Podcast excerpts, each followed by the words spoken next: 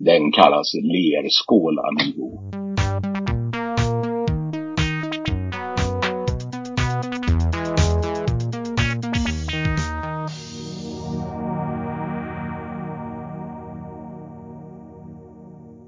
Hej och välkomna till Transformers-podden. Jag heter Linda och är en trogen Autobot. Och så har du givetvis mig, Gustav, den lilla bedrägiska Decepticon-varianten i podden. Och så har vi en gäst med. Ja, och jag heter KG och det är jag som äger och driver tillsammans med Bryson Johnson serieaffären Comics Heaven i Gamla stan i Stockholm. Yay! Mm, välkommen! Välkommen! Ja, eh, Gustav, du hade ett par frågor du ville ställa Ja, vår ja, gäst. Vill du ta honom Några först? stycken. Ja, kör på! Vi kan prova här. Först och främst är vi ju mest inriktade på Transformers i den här podden. Och jag har förstått att du inte är ett hardcore Transformers-fan, men du vet vad det är. Absolut. Eh, har du något favorit? Är det Autobotter eller Decepticoner du skulle föredra? Eh, Det är en bra fråga. Alltså, jag är ju alltid på de godas sida. Så då, då, då väljer jag de goda som i det här fallet är ju autobotterna, eller hur? Det är bra. Det är du och Linda. Ah, Det var en, en, en, en som blev en antingen illröd eller tror jag snarare illgul sportbil i någon av filmerna. Eh, den gillade jag. Den karaktären minns jag att jag gillade faktiskt nu när du frågar. Ja. Mm. Men Ja. jag kommer inte ihåg vad han hette. Nej. Är Kan det vara Bumblebee? live action-filmerna? Ja. Eh, ja, ja, just det. Precis. Alltså de här Ja. lite mer påkostade. Med han den lilla killen, jag glömmer bort vad han heter, den skådisen. Sam Witwicky. Eh, Just Ja. Eh, Shia LaBeouf är det ju som spelar honom. Ja, just det. Mm. Mm. Ja, då måste det vara Bumblebee. Ja. Ja, Det är finns ingen annan Det gul bot i de nej, filmerna. Nej, nej, nej, då är det det. Ja. Vad, vad vet du om Transformersen innan? Eh, alltså, jag vet ju historien alltså i Sverige med serietidningen och sånt och att det var en tv-serie som jag har för mig att den måste ha varit tecknad i varje fall. Eh, som gick i, i Sverige runt, vad ska vi säga, att det kan ha varit 87 eller något sånt där, 86, 87 som tv-serien började gå. Och mm, jag antar att det eh, började i USA. Det måste det ha gjort med, med motsvarande. Men, men eh, mer än så är inte, är jag inte helt, eh, jag har inte helt koll på. Men däremot så var det ju så, eh, det finns en liten anekdot, när jag försökte rannsaka mitt minne. eh, En av de få anekdoterna om, om Transformers som jag har från mitt yrkesliv här, det är att eh, när vi öppnade butiken 1985 på Skånegatan på Södermalm i Stockholm. Då, det var ju alltså 1985 va. Och var Transformers var det 87 första året i Sverige som serietidningen kom ut? Mm. Då var det, va? Eh, I Sverige var det nog det, ja. Mm. Mm. Jag tror det, ja, precis. Så då efter några år där då när vi hade etablerat oss en del och sådär. Vi hade ju väldigt många av kvarteret och Södermalms framförallt ungdomar och även barn liksom som kom till butiken. Och eh, då gick det några år där va och då eh, Transformers var ju steket va. Och sen så plötsligt så antar jag att det tog slut på tv va. Att det gick på tv längre. Och då föll de ju glömska och de gick vidare ungarna till andra grejer. Så att vi var ju nere i att vi motvilligt betalade 10 öre per styck för Transformers nummer 1 1987 och alla de andra tidningarna till ungarna. Va? Eh, Så, så de kommer sålde de allihopa. Va? Och, ehm, och, och nu idag så kommer ju de som är i er generation och även något äldre in och köper mot samma tidningar för 50, 60, 75, 125 kronor som jag har haft i en, i en låda i limbo liksom ända sedan dess. Så det, det är den anekdot jag har om Transformers. Vill du förklara mer om vad Comics Heaven är? Ja, som sagt, vi är ju inte den första specialiserade serietidningsbutiken i Sverige. Mm. Utan det tror jag var det som hette serie... Jag har glömt bort den. Det var en och sen kom Staffars serier. Men sen kom... Ja, och så Allglans förstås. Och sen Mm. så kom vi eh, några år efter där. Egentligen så började vi runt när Sockerkonny, sagt innan Sockerkonny blev ett eh, fenomen. Eh, det var 87 som Sockerkonny, vi började 85 då. Och eh, vi hade en affär som hette Goa Gängets affär. Oh. Och eh, Det låter jättegott. ja, precis. Fast det var verkligen det på den tiden.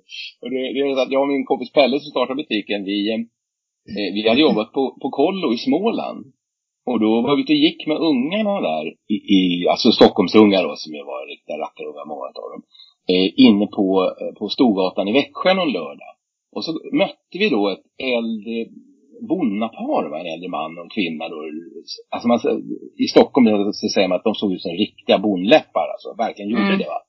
Och då tar en av de här 13-åringarna killarna, ställer sig vid sidan av gruppen, vår grupp, pekar på dem och med hög röst vrålar. Öh, kolla öh, goa gänget öh! Och vi, skäm, vi skämdes ju ögonen ur oss, för vi var ju redan kända där nere som Stockholmsjävlar. Så, att, eh, så, det, så, så det, det, det behöll vi då. Så hade vi det som namnet på affären där vi började. Men sen har vi ju kört, eh, det har hänt mycket saker. Vi har ju sålt, ju CD-skivor och sånt där i början och så. Men, men sen när vi började ta in, importera från USA då runt 91 eller något sånt. Då började det ta lite fart och, och, och så. Eh, och, och, nu är vi väl, tror jag, skulle jag vilja säga ändå, ja, både den bästa och mest världskända specialist, specialisten på tecknade serier i Sverige skulle jag vilja säga i alla fall. Och eh, vi är öppet 365 dagar om året i ja. butiken. Och så har vi ju www.comic7.se naturligtvis som man kan gå till också. Precis. Ja, det kommer jag länka sen i mm. nedanför. Mm. Ja, det är bra. Om man är intresserad av serietidningar så, hur startar man en prenumeration hos er? Om man nu vill det. Ja, det är egentligen bara att mejla då till info.comic7.se och sen så, och, och säga vad man är intresserad av. Man kan också titta på hemsidan då, eh, comic7.se. Där finns det i eh, raden en, eh, där det står prenumerera eller något sånt. Här för mig så. Och klicka på den där kan man få. Men det räcker med att mejla oss så mejlar vi tillbaka med, med allting. Och egentligen i grund och botten så är det ganska enkelt då. Vi beställer ju två månader i förväg. Så att man tecknar liksom upp sig för det som har kommit till ens fack. Låt säga att man prenumererar på X-Men och börjar med nummer 65 eller vad de är på nu då. Eh, och, eh, och så går den här månaden, tre, fyra månader, så kanske man vill hoppa av. Då har det ju dels hunnit komma ett antal nummer, plus att vi har beställt åtminstone två nummer till då i allmänhet. Mm. Så de, det är det man tecknar upp sig på, men, men inte längre än så. Och sen så, så om man bor ute i landet och som Gustav gör till exempel, då, då mejlar vi varje månad och säger att nu har du ungefär så här, det här har du i ditt fack, de här tidningarna. Och så tillkommer lite porto då och så eh, betalar man in och så skickar vi. Och det, det funkar bra faktiskt. Vi har många, många ute i landet också. Och så många naturligtvis som kommer till butiken. Mm. Mm. Och man kan prenumerera på hur mycket man vill och man kan beställa andra grejer och kombinera då med det här månatliga utskicket. Det är många som gör det. Va? Mm. Har ni någon toppsäljare, alltså rent historiskt och vad säljer bäst just nu? Ja, det där är en bra fråga vet du. Vi har ju, vårt logistiksystem är ju som jag brukar säga, built by a genius in its own mind. Det vill säga jag själv 1991-95. Så att sådana avancerade uppgifter är, är, är lite höljt i, i, i, dimma. Men alltså traditionellt sett så tror jag inte någon bok har sålt mer än det står mellan eh, Watchmens eh, trade paperback, då, samlingen av Watchmen på engelska och första volymen av Walking Dead. De små tunna, inte små tidningarna utan första TPn då. Eh, de ligger ungefär lika skulle jag tro. Just nu, eh, alltså, just nu är det ingen sån här super... Saga var ju en jättehit va. Eh, men den har inte kommit ut på ett bra tag. Så det är ingen sådär som ryker av hyllorna direkt nu. Utan det är rätt så jämnt just nu. Alltså, så kommer en ny mm. film då, då ökar det ju lite försäljningen runt det och så. Mm. Men eh, jag tror att max antal prenumeranter om man säger på tidningarna som vi har, det är nog fortfarande, det står mellan Batman och Amazing Spiderman då. Det är de som är, som är störst fortfarande helt enkelt. Mm. Ja, vad fint. Det finns ju en uh, serietidning i början utav uh, Transformers Generation 1, Marvel.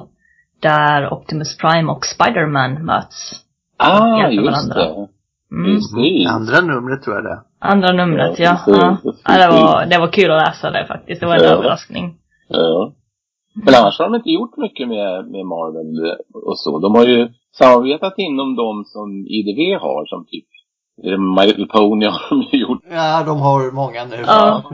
Nu har de börjat komma med Transformers och My Little Pony. Vad, vad är det quoten? Uh, friendship is... Uh, jag tror det är oh, Friendship in Disguise, sånt där Friendship in Disguise var det ja. Precis. Ja, sen har de haft, ja, sen har de haft lite med Terminator och lite, eh, vad är det mer? De Back to haft the Future. Ghostbusters, Back Ja. to the Future. Ghostbusters, Mm. ja precis. Men det är alla ID- IDV, det här Ja. förlaget då, IDs Workshop, det är alla deras eh, properties så att säga som de, Precis. eh, jag samarbetar gissar att. Sonic kommer snart också då. Ah, Just det, med Jack. Lawrence som Det- konstnär. Det, det är ju, det är ju, det är ju givet. Ja. Ja. Ja. Det är klart att det ska komma. Eh, har ni sett någon eh, utveckling kring titlar? Någon särskild titel som har liksom hållit sig historiskt och fortfarande, är det Batman då och Spiderman? Ja, alltså de, de, de håller sig bra. Batman, Spiderman eh, är ju egentligen de som, som jag försöker rannsaka mitt minne här nu. Nu, nu är det så att nu är det mina medarbetare Bryson och Elin som, som gör prenumerationerna, alltså som öppnar lådorna och, och stoppar ner i facken varje vecka. Så att, så att säga, va? men det är i och för sig jag som beställer. Så att, eh, men det, det, de håller sig ju alltså. Och sen de, har vi fortfarande naturligtvis en hel del på sånt som Avengers, eh, ja, Deadpool ligger nere just nu, men även Green Lantern, Justice League och, och ja, de klassiska titlarna, de, de, de håller sig bra alltså. Är det fortfarande DC Marvel som är de största? Det är det, eh, vad det gäller lösningar är det det, absolut. Eh, Image eh, säljer ju ganska bra eh, med trade paperbacks och även Dark Horse. Eh, Alltså sam- samlingsböcker då, va? Säljer en del. Men, men det, det, det är fortfarande Marvel. Det är väldigt centrerat kring Marvel och DC. Ja. Har det ställt till något där? Ja, klart att covid har ställt till det. Men jag vet att DC bröt sig loss och har någon egen... De skickade ut men det har varit jätterörigt. Det finns ett uttryck, a perfect storm, och det var ju det som hände då. Att inte nog med att det här covid bröt ut liksom. För I februari 2020, då hade vi en jättefin månad och vi tänkte, åh vad fint liksom. och sen i, i, i mars, då, då stoppar de distributionen för första gången på 25 år. Så i tre månader då, alltså normalt får vi liksom 150, 200, 250 kilo tidningar böcker varje vecka från USA. Det är ju liksom, eh, vad ska säga, the, the backbone of our operation. Och, eh, och helt plötsligt bara så upphör de några veckorna. Så, så, så kom det ingenting på nästan tre månader. Det var en, en sanslös omställning. Det hade varit vilket företag som helst. Va? Och, och så mitt i alltihopa där då, då, då passade DC på att eftersom distributören, de här de kallas för Diamond Comics då, som innan det här hände då, distribuerar all, i princip alla för till alla butiker i USA och över världen och specialbutiker. Då insåg DC att eftersom de då hade brutit emot kontraktet genom att upphöra med leveranserna va, så kunde DC bryta kontraktet. Det hade de inte haft möjlighet till tidigare. För att kontraktet var, eller det var så, så stora viten och sånt i det, antar jag. Så, så då så säger de att ja, men vi ska ha en egen distributör. Och, och alltså, alla vi som har varit med i den här branschen till länge, va, vi vet ju liksom att vi har ju gått igenom sådana här perioder för länge sedan då när, när det fanns olika distributörer. Och Marvel försökte sätta upp någonting på runt 87 eller något sånt där med, som hette Heroes tror jag de hette, den distributören. Och det var ju rena jäkla kaoset alltså måste man säga. Men DC lyckades faktiskt fixa det. Först satte de upp två stycken distributörer. Nu har de valt att gå till en då, och som tur var var det den som vi hade anlitat från början. Och för oss har det faktiskt funkat väldigt, väldigt bra. Men det är ju sådana saker som att helt plötsligt så, så alla prenumeranter ligger i den gamla distributörens logistiksystem då. Så helt plötsligt ska man då själv bygga ett logistiksystem på några, någon månad då och föra över alla uppgifter, alla prenumerationer. Så det är, är inte okomplicerat kan jag säga. Mm. Så att eh, det är ovanpå då alltså en jätteliten försäljning och, och, och sådär. Så att, eh, men eh, vi, vi är ju, vi är inte så många och vi är väldigt arbetsamma. Och jag är ju som en riktig ekorre va, så jag har ju lador fyllda med serietidningar som går till på olika ställen i Sverige. Och sen, sen, ända sedan jag började 85 en del. Så att eh, vi har ju slutat, eller då under den här perioden i alla fall, beställde vi enormt lite va. Och under hela 2020 har vi, har vi köpt väldigt, väldigt lite. Utan vi har helt enkelt sålt det gamla vi hade va. Och, och, och det, det är det som har gjort att vi har överlevt. Och vi har faktiskt, måste jag säga, vi har fått lite stöd, utav, inte så mycket, men lite stöd av staten också. Och det har varit ovärderligt. Så att, eh, jag tycker, det måste jag säga. Ja. Eh, om du själv får välja då? Är det DC eller Marvel eller är det något helt annat? Alltså, ja, om jag får välja på DC och Marvel så väljer jag DC. Det måste jag ändå säga.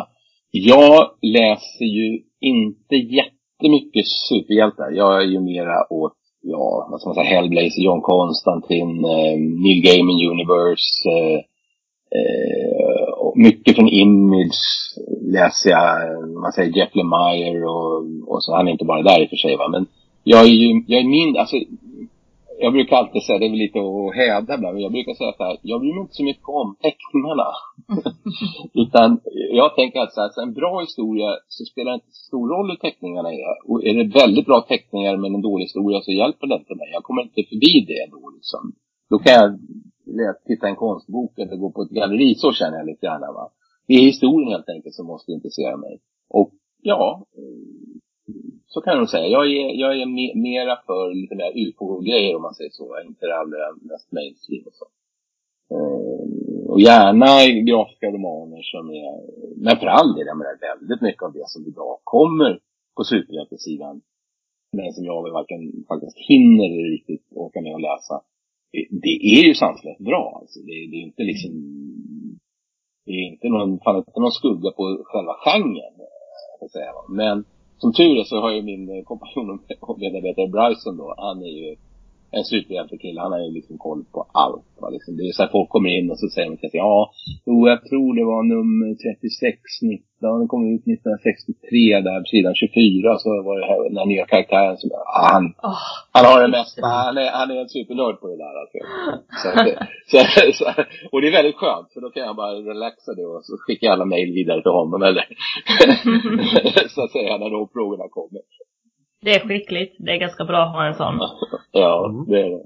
Eh, har ni märkt något eh, från era kunder när det gäller just det? Om det är storyn, om det är teckning, eller om det är covern eller eh, har ni ja, märkt något vad de är ute efter? Det är faktiskt en väldigt intelligent och bra fråga Gustav. För att eh, det är en sån här grej som vi kanske inte under det här året har sysselsatt oss så mycket med. Men tidigare så är det ju liksom hur, hur visar man Alltså hur sorterar man sortimentet och hur visar man det? Och, och, vad, och det blir extra tydligt när man försöker driva en webbshop då. Så att säga, hur, vad är det folk liksom letar efter? Och eh, ganska många är intresserade av the artwork helt enkelt. De är, jag skulle vilja säga att det är åtminstone 15-20 procent utav kunderna som är relativt fokuserade på the artwork. Och, eh, och för all del läser serierna och är glada åt det, men alltså det är det är, det är så. Det är rätt många faktiskt som, som, som där det är det absolut viktigaste helt enkelt, eh, vad teckningarna är. Och, och, det är också så som de säljer alla dessa alternate covers. Eh, för de oinsatta så är det ju så att eh, en tidning kan ju ha liksom 26, i värsta fall 26 olika omslag på nummer ett och sådär. Som är kopplade till olika typer av incentives. Så att om man beställer 500 så får man köpa en sån och så va eh, av ett visst omslag eller så. Så att, eh, så att och, och de här, eh, alltså det, det, är folk väldigt intresserade av. Alltså en del, en del tecknar i stort sett bara omslag, eller många gör det i alla fall. Mm. Så att, eh, eller målar ska man säga, det är ofta, det, det är mer än en, bara en teckning ofta, i, när det gäller, speciellt när det gäller omslaget. Så att, men det är klart, det, den genomsnittliga liksom kunden läser förberättelsen skulle jag vilja säga. Först och främst i varje fall. Mm. Ny, den stora nyheten på gång, vad är det som eh, kommer släppas? Ja du, alltså Nu när vi har lyssnare som har chansen alltså, att börja en prenumeration. Ja, ja, ja, ja, precis, jag förstår det. Alltså det kommer ju, alltså det är väl ingen tidnings, alltså det är lite så lågvatten just nu då på året också. Eh, så jag förberett det här lite bättre än jag tänkte efter. Jag kan inte säga. Eh, jag skickar ut ett sånt här nyhetsbrev då eh, för Marvel och ett för DC varje månad. Men det är ingen sån här supernyhet som har varit på ett tag faktiskt. Alltså, och det beror ju dels lite på covid, att de, har, att de håller igen lite. De, de sparar de, de största eh, grejerna till lite längre fram tror jag. Eh, DC hade ju just nu ett sånt här lite, som jag tycker var lite smått inte innehållsmässigt kan jag inte säga, men, men, men försäljningsmässigt smått misslyckat event som kallar det för Future State. För det är ju en sak att veta om man tänker börja samla på serier att det är, det är inte som med Kalle Anka, att det var nummer 1 till 8 1946 och sen var det 1 till 12 1947 och så vidare. Och år 52 nummer per år. Utan de tidningarna löpnumreras ju så att att liksom Spiderman, jag vet inte om de är uppe i 888 totalt sen starten. Ja. Men då, då blir det där lite ohanterligt efter ett tag. För då, låt, säga att Spiderman kommer till nummer 756 då. Då är det inte så kul att börja samla, för då vet man att du ska ha, hitta 756 nummer av vilka vissa kostar mer än en mindre villa liksom. Mm. Nej, det är inte riktigt sant, men de kostar en bra slant va. Så att då, då börjar de ju om med nummer ett, så att säga. Och sen efter ett tag så kan de återgå till den gamla numreringen efter ett tag igen. De har liksom behållit den i, ba- i bakgrunden.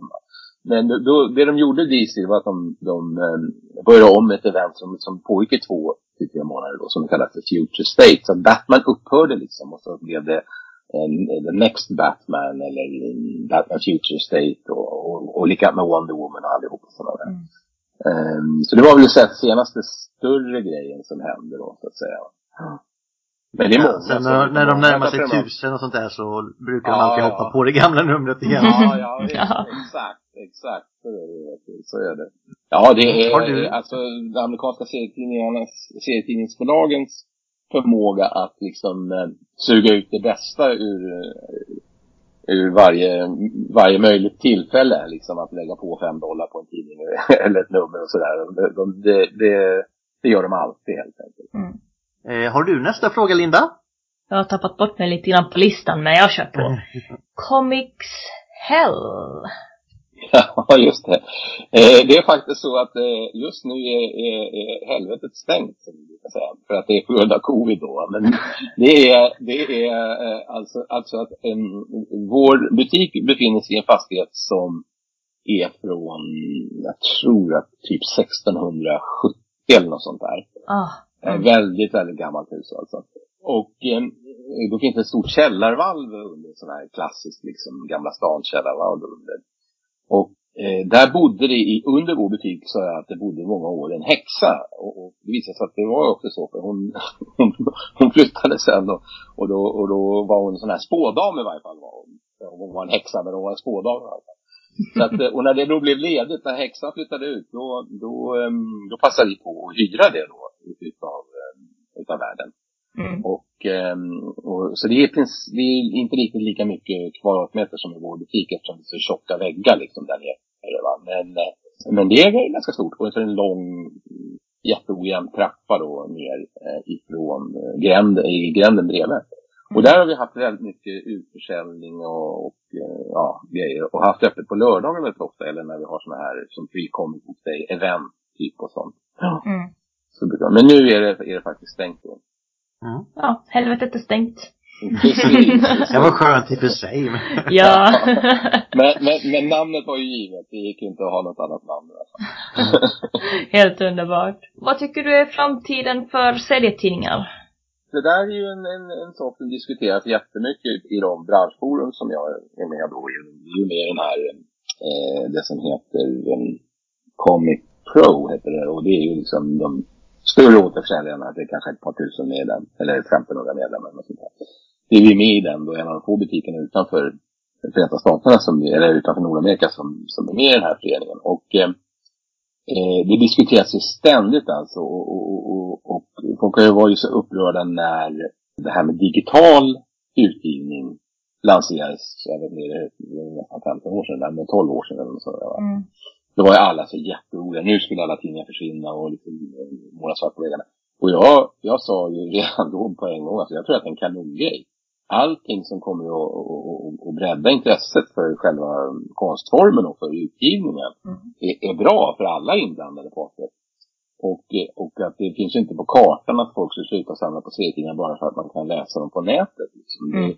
Det, det, är ju bara att titta på hur det gick för skivindustrin. Visserligen minskade antalet skivbutiker väldigt mycket, men samlandet har ju fortsatt utav skivor Ja. alla former. Ja. Eh, Så att, eh, och där är ju ändå liksom genomslaget för det digitala varit mycket, mycket större än vad det gäller, eh, än vad det gäller serietidningar. Så serietidningar har ju faktiskt, alltså det går, det går ju lite upp och ner, men man kan, man kan säga så här att, att för en butik i USA som enbart säljer nya serietidningar och nya eh, serieböcker då och kanske inte ens har något sånt där jättestort backlist-erbjudande på serieböcker, alltså samlingarna, de här trade paperbacks som vi kallar dem för, eller hardcovers. då är det ju väldigt känsligt så att säga. Eh, för det minsta lilla att trenderna går ner eller att det minskar eller så här så, de lever ju ofta på marginalen va. Mm. Men för våran del då så, vi har ju dels en enorm backlist så att säga. Eh, dels i form rent fysiskt att vi har enorma lager liksom med ett eller flera extra, enormt massa gamla titlar.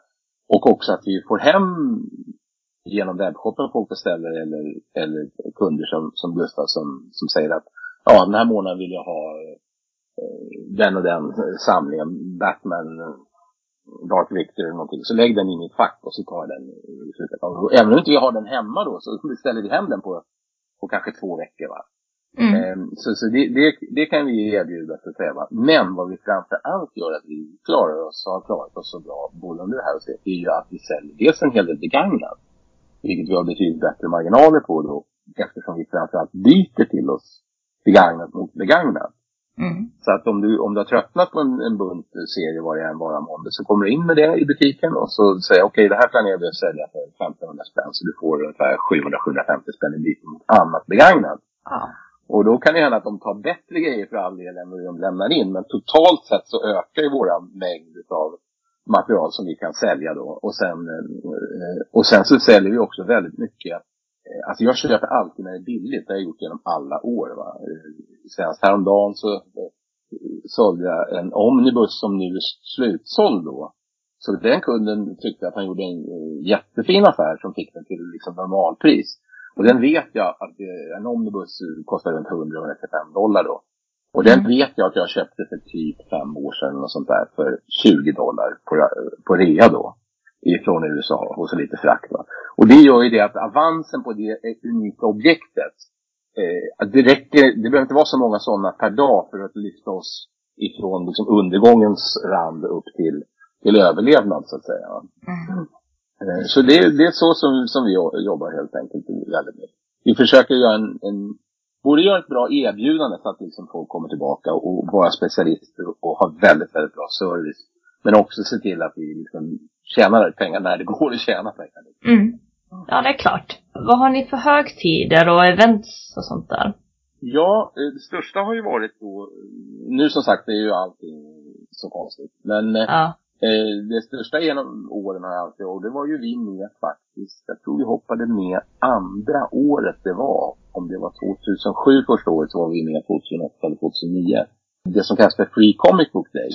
Då man, om man kommer in i butiken den dagen eh, så, så får man, i vårt fall så delar vi ut då, mm, två tidningar eh, gratis. Utifrån ett urval som, så, som vi har gjort va. Och, Mm. eh, och då behöver man inte köpa någonting. Eh, och kommer man in fyra ungar och två föräldrar, då blir det sex gånger två tidningar. Det blir ju tolv tidningar. Va? Så att, och det funkar jättebra för oss. Vi får väldigt mycket besök den dagen och vi får nya kunder. Och eh, sen är det faktiskt så att väldigt många av de där tidningarna eh, säljer vi sen, det är de som blir över, sen under våren. Jag säljer fortfarande tidningar som jag tog in då 2009, jag hade inte så många kvar, men 2013, 2012 säljer vi ideligen då för 19, 29, 49 kronor liksom. Eh, För folk, eh, de är eftertraktade samlarobjekt även om de var gratis från början. Så. att. Precis. Där vissa är ett helsike att få tag på kan jag säga nu. Ja, precis. Jo, ja, jo, absolut. Jo, ja, det, så är det. Ja. Säljer ni mer på typ jultid eller är det mest på sommaren? Finns det något mönster på? Eh, alltså som, mm, som det har varit då innan det här covid-eländet bröt Mm. ut. Så har julen varit vår, våra mest koncentrerade 10, 12, 14 dagars försäljning va. Ja. Väldigt, har vi haft väldigt bra genom året.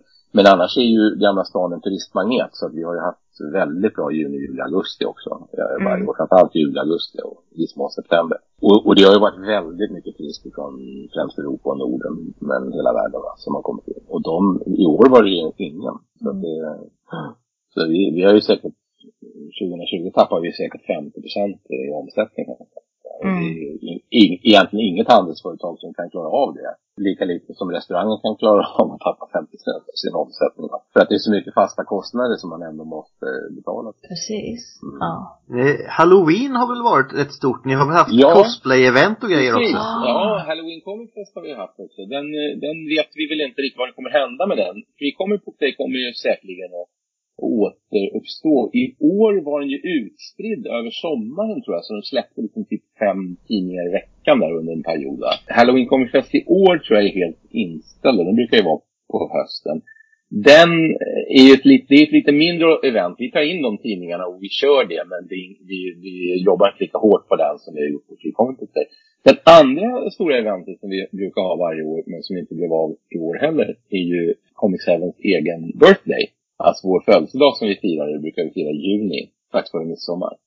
Och sist var det väl då 34 födelsedagen tror jag. Så att, och, och det, och, då har vi också mycket erbjudanden här, väldigt mycket folk som kommer in och så. så det, mm. och, och, det hjälper ju alltså, det gör det. Men det, det, vi har inte kört så mycket, vi har, vi har haft en del signeringar genom åren och så, men uppriktigt sagt alltså, det är så jäkla mycket jobb med, med att logist, logistiskt få det liksom att fungera va, med allting med prenumerationer och med nyheter som ska ut i butiken, sändningar som ska packas upp och förutom allt annat. Så, så vi, vi har helt enkelt inte hunnit med så mycket det man traditionellt brukar göra i, i en bokhandel, en specialbokhandel för att eh, eh och, och, men, det, men det vill vi ju väldigt gärna göra och vi har ju jättestora möjligheter där. Så vi ligger ju så fint i Gamla stan och så. Så att eh, när väl vi är tillbaka till en mer normaltillstånd så är det de grejerna som vi vill och kommer att göra. Vi har väldigt mycket idéer men, men, men, eh, ja, det, det, det har varit relativt begränsat.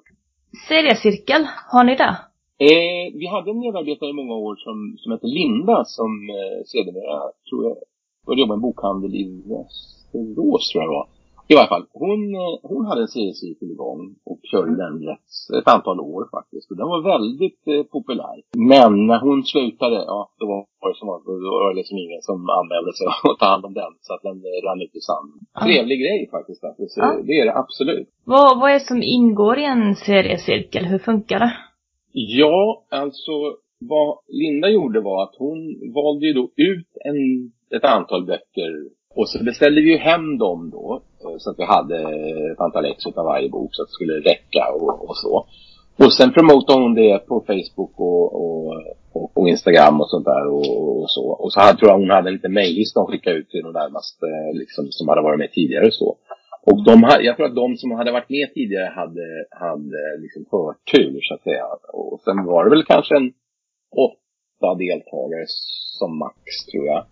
Och de samlades just i Comics Hell då. Och, mm. eh, och satt där nere. Och då, då förutsatte alla att, alltså att, eh, och då fick även de som var med i själva seriecirkeln, de fick rabatt på boken och köpte den innan då och läste den. Och så diskuterade de boken. Jag var faktiskt inte med en enda gång på, under själva den här eh, träffen då så att säga. Men eh, jag vet att Linda rapporterade att det var ofta väldigt animerade diskussioner sådär. Som alltid mm, kan det vara någon deltagare som har lite svårt att släppa fram andra och sånt där. Det minns jag att de nämnde va. Och det, ja. det, det vet ju. Eh, det vet ni från alla, alla sådana sammanhang. Det, det finns någon som man behöver vänligt fösa lite åt sidan ibland. Men, men, eh, men nej, men jag tror att det var väldigt populärt. Jag har lite mer som en konstnärlig fråga eftersom jag är väldigt intresserad utav Eh, eftersom, eller som jag studerar väldigt mycket är just den här visuella delen utav serietidningar.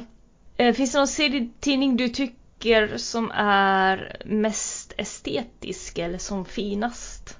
Jag tänker mer, alltså, normalt så byter de ju tecknare hela tiden, illustratörer. Det kan ju vara väldigt tvära kast i stil. Alltså, det gör ju ibland att att folk hoppar av för de tycker att nu har det gått, nu går skam på torrland. Det här, det här kan jag inte hacka i mig liksom. Så att de faktiskt lägger av med titlar de har haft i många år. Mm.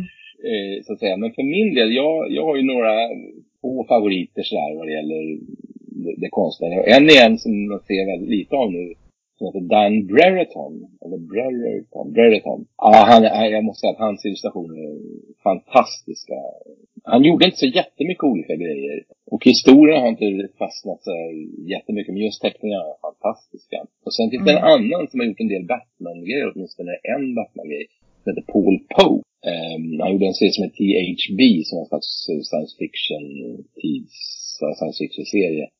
Eh, som först var svartvit och sen färg. Men sen gjorde han um, Batman Year 100, vad heter den? Okay. Som var uh, en, som parafras till uh, Batman Year One då, som är väldigt uh, känd. Miller, Batman, Frank Miller Batman. Mm. som jag tycker var fantastisk i den serien. Sen också Frank Quietly, jättebra tecknare och så. Så det finns, det finns många. Och de som, en annan favorit är ju, är ju Jack Lemire. Jag är ju mest förtjust i, i hans berättelser, men hans teckningar är väldigt fina också. Jag kan berätta en lite rolig grej om Jeff Lemire. Han var inbjuden till att delta i, han är kanadensare och, och, och Bryson, min kompanjon, han är också från Kanada från början. Och han var inbjuden, Jeff Lemire, till, eh, det är han som har gjort um, Sweet Tooth eh, och eh, han har gjort en del Marvel-grejer och DC-grejer också. Nu kommer jag inte på. Han har massor med olika serier han har gjort som är jättebra. Ja, han var ju eh, stekhet eh, och är väl fortfarande. Men, och då var han inbjuden till eh, Kulturhuset eh, som ju har de här, vad heter det, eh, Small Press Expo hette det från början. Stockholms seriefestival heter det numera. Eh, inbjuden dit då. Och då kom han till butiken. Och så eh, en ganska lång kille och jättesympatisk. Eh, så går han fram och så kommer han till, till, till kassan så morsar han lite och så, så går han och tittar på en vägg där vi har liksom massor med de hetaste böckerna. Så här. Och så säger han That book is mine, and that one is mine, and that one is mine, and that one is mine. och, och, och så, han, han var supersympatisk och trevlig. så, så att, det, ja. Jag har ju själv också lite favoriter, ska vi se om jag kommer ihåg namnet nu. Um, Edina. Edina. Förlåt, jag, jag ska ta fram min bok. Ah. Det är ingen klocka på en gång, men... Det är den här. Ja, ja, det är, men det är väl eh, Moebius, eller hur? Moeb, ja just det. Moebius, ja just det. Precis. Ja. Mm, Eh, precis. jag är jättedålig på namn. Ehm, Men det är också en så här jätteclean stil. eh, Ja, som visst. precis. absolut dreglar över. Sen också han som har eh, gjort eh, Hellboy. Ja, Michael Nolan Mm. är också en jättestor Precis. Precis. Och där finns ju en svensk kille som tecknar lite i samma vein som heter Peter Bergting som jag tycker är mycket Ah. bra också. Mm. Eh, han kommer med en ny serie nu, en 12-delars uh, miniserie på Dark Horse som jag har någonting på CCUJ, någonting här. Ehm, så, så han är ju en av våra svenskar som, som jag tror jag liksom har gått bäst för i USA. Det finns ett antal också eh, som har fått, åtminstone fått utgivet en, en del. Eh, kul är att du säger om Moebius att du gillar hans teckningar så mycket. Eh, vad inte alla vet, men många vet, är ju att han har ju ett alter ego, eller hade, han är död tyvärr. Ja, tyvärr. Eh, han hade ett, hade ett eh, alter ego som hette, eller som var hans riktiga namn så att säga, Jean Giraud. Och det är han som har gjort Blueberry, westernserien Blueberry. Jaha. Mm, så ja, han, är, ja, det, han ja. har liksom två, två personligheter då kan man säga. Precis.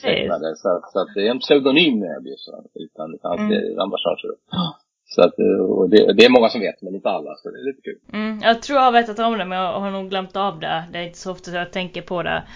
Tar ni någon gång in gäster och sånt där? Nu är det ju corona men i vanliga fall har ni haft gäster och sånt där på Comics Heaven eller Hell? Eh, ja, alltså som sagt, vi har ju haft en del eh, signeringar.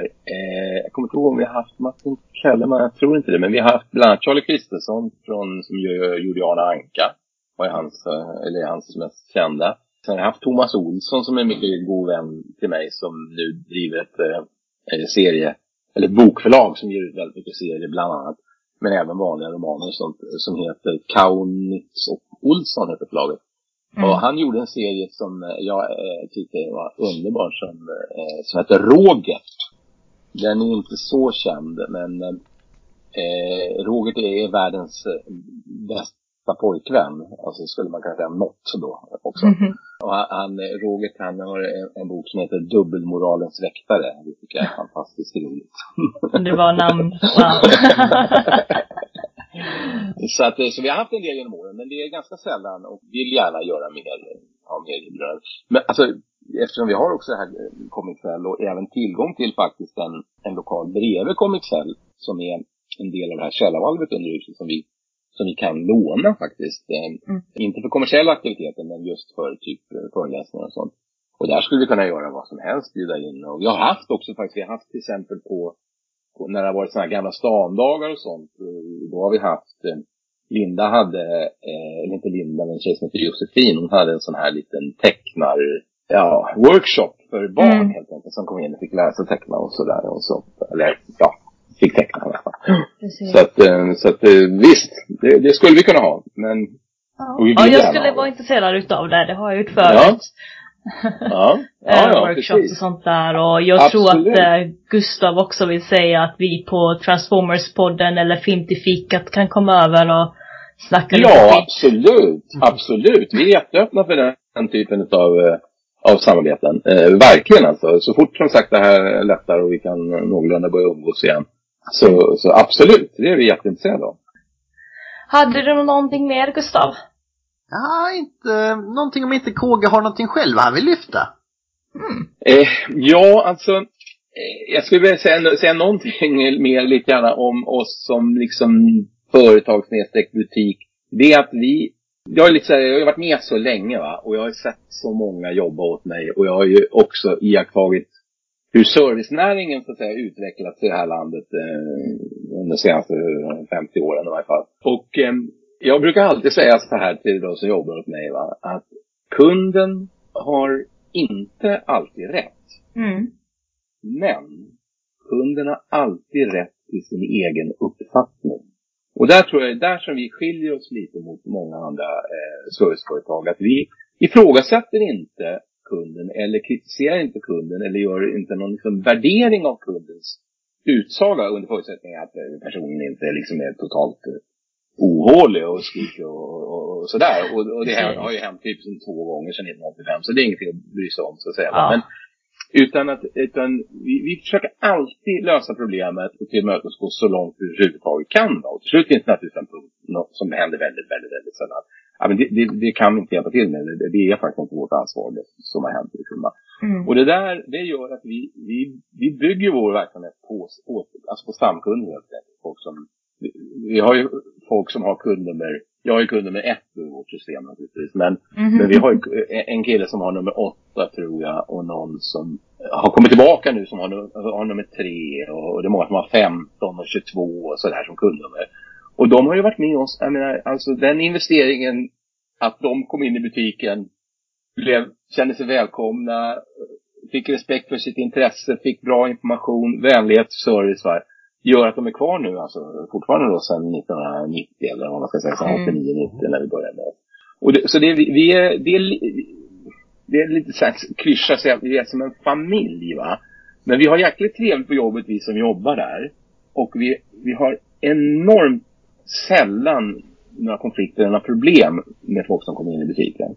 Mm. Och det är alltså, det, det ska inte ana hur, hur, vanligt det är för folk som jobbar i butiker att det är ganska, de uppfattar det som en ganska besvärlig arbetsmiljö va? att jobba i en butik. Alltså nu är det klart att man jobbar på 7-Eleven eller, eh, eller Det, det beror Systembolaget. nog på. så. Ja. Det beror väldigt på mycket vad det är för någonting naturligtvis. Va? Det, Mm. det är många arbetsplatser som är jättetrevliga. Men, men alltså väldigt många av våra kunder, de, de har varit med oss jättelänge och, och, eh, och de, de, vi försöker verkligen ge bra service. Alltså. Mm. Det är vad vi försöker göra. Vi, vi, vi lägger hellre ner 20 minuter, en halvtimme på en kund och det inte leder till någonting. Än att vi säger, nej men det vet jag inte vad det är. Som, Mm. som, som många säger, nej, det har vi inte. Så- Som folk säger? Men vi kan sitta 10 minuter och traggla och leta efter böcker. Och det blir ändå ingen affär den gången. Sen kan det gå två år, sen kommer kunden in och börjar teckna prenumerationer, har fått ett jobb, börjar Mm. teckna prenumerationer, har, har råd att odla sitt intresse. Liksom. Så det är så som vi jobbar. Det, det var bara en grej jag tänkte säga liksom, lite om, om vi jobbar långsiktigt. Så att säga. Mm. Eh, nu ska vi göra någonting som heter Spin the Wheel Jack som innebär att jag ska dela min skärm här med Linda och dig också. Ska vi se vad nästa podcast blir om? Så vi, ska vi, vi kör alltid på random nämligen vad nästa avsnitt ska handla om. Så då kommer jag dra ett namn här, eller vad det är nu, från eh, hjulet. Så då ska vi se vad vi ska prata om nästa gång. Yay!